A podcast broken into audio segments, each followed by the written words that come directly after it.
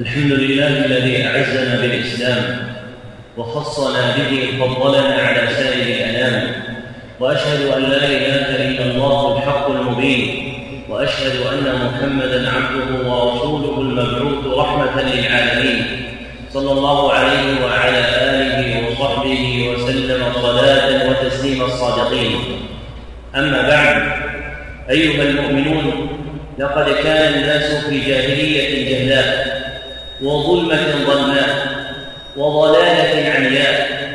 يعبدون الأصنام ويأكلون الحرام ويلدون البنات وينتهكون المحرمات. فبعث الله إليهم محمدا صلى الله عليه وسلم داعيا إلى الله بإذنه وسراجا منيرا. قال تعالى لقد جاءكم رسول من أنفسكم عزيز عليه ما عنتم حريص عليكم بالمؤمنين رؤوف رحيم فهدى الله به قلوبا غلفا وبصر أعينا عميا وأسمع آذانا صما وهدى الله به القلوب بعد فرقتها فتآلفت وأرشدها إلى ما في الدارين من مصالحها وتركنا صلى الله عليه وسلم على مثل البيضاء ليلها كنهارها لا يزيغ عنها وسلم بالحق وأعد وقام وقعد وحل وعقد حتى صار الناس على بينة من أمرهم. وإذا احتاج العبد إلى شيء من مصالح الدارين فإن الملاذ الآمن والخير الكامل هو في هديه صلى الله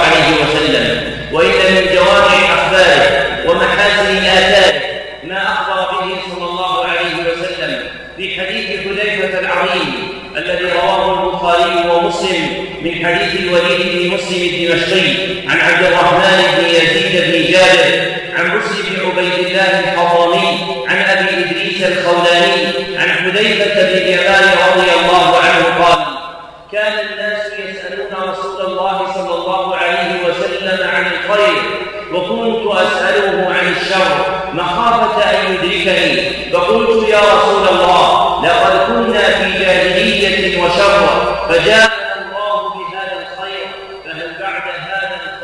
شر؟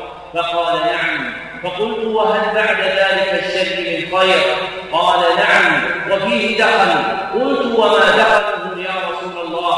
قال قوم يهتدون بغير هدي ويستدلون بغير سنتي. تعرف منهم وتنكر. فقلت يا رسول الله وهل بعد ذلك الخير من شر؟ قال نعم دعاة على أبواب جهنم. من أخذوه قذفوه فيها. فقلت صفهم لنا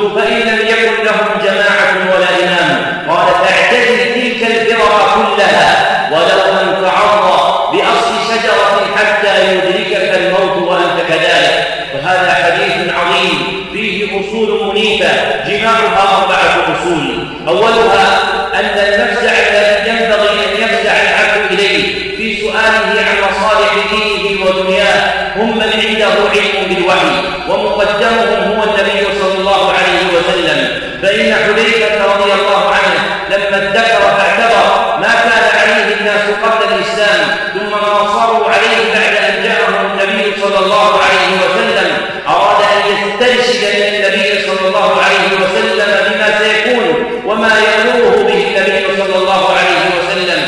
وفي هذا إرشاد لنا أن يكون مفزعنا إذا ازدهمت الفتن واضطربت المحن إلى من عنده وإذا كان النبي صلى الله عليه وسلم قد كما قال الله عز وجل تصديقا لوعده إنك ميت وإنهم ميتون. فإن النبي صلى الله عليه وسلم ترك له مروادا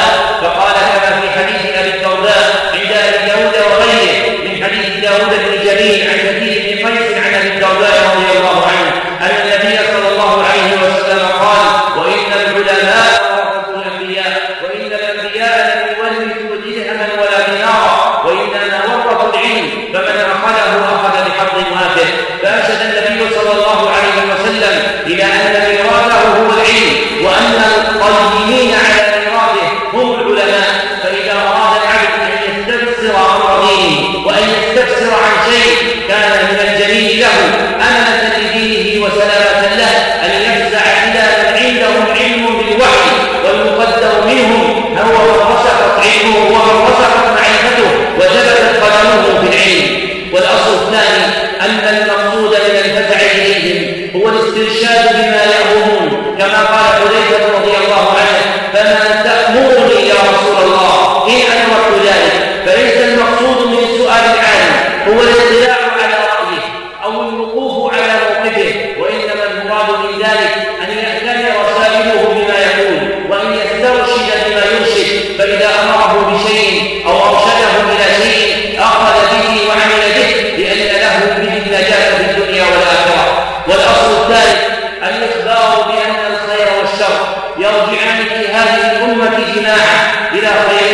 الخير. فأما الخير الأول فهو الذي كان بعبده صلى الله عليه وسلم. وأما الشر الأول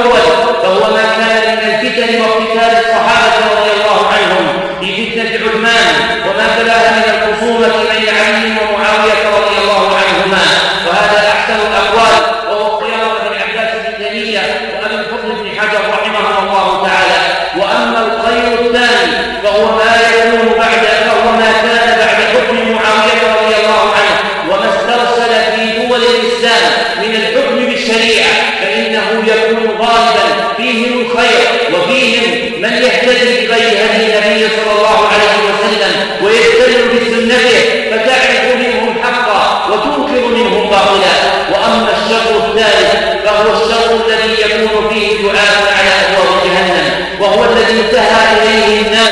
بعد ذهاب الحكم بالإسلام في أكثر بقاع الأرض فإنه ظهر في المسلمين دعاء إلى أبواب جهنم. والمقصود بالدعاء إلى أبواب جهنم الدعاء إلى أعمالها وأولئك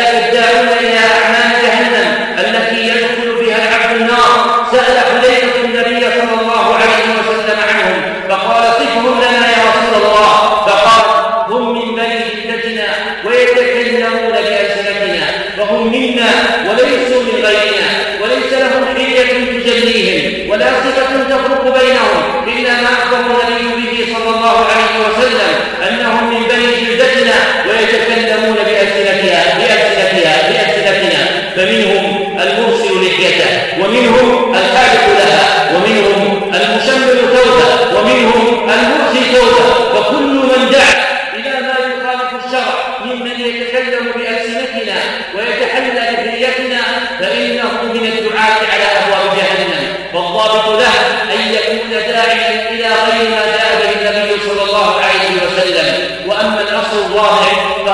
الإرشاد إلى ما ينبغي أن يكون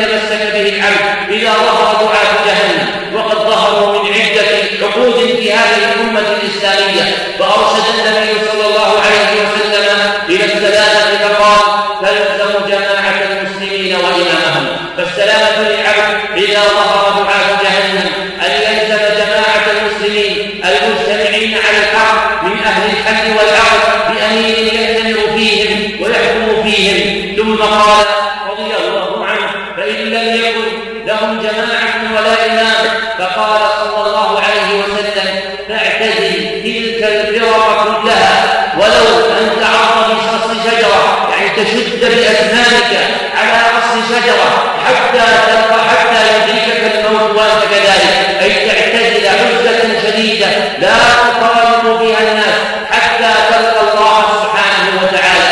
وإذا نظر العبد إلى هذا الأمر علم أنه صادق من الصادق المصدوق صلى الله عليه وسلم وأنه أمر وهو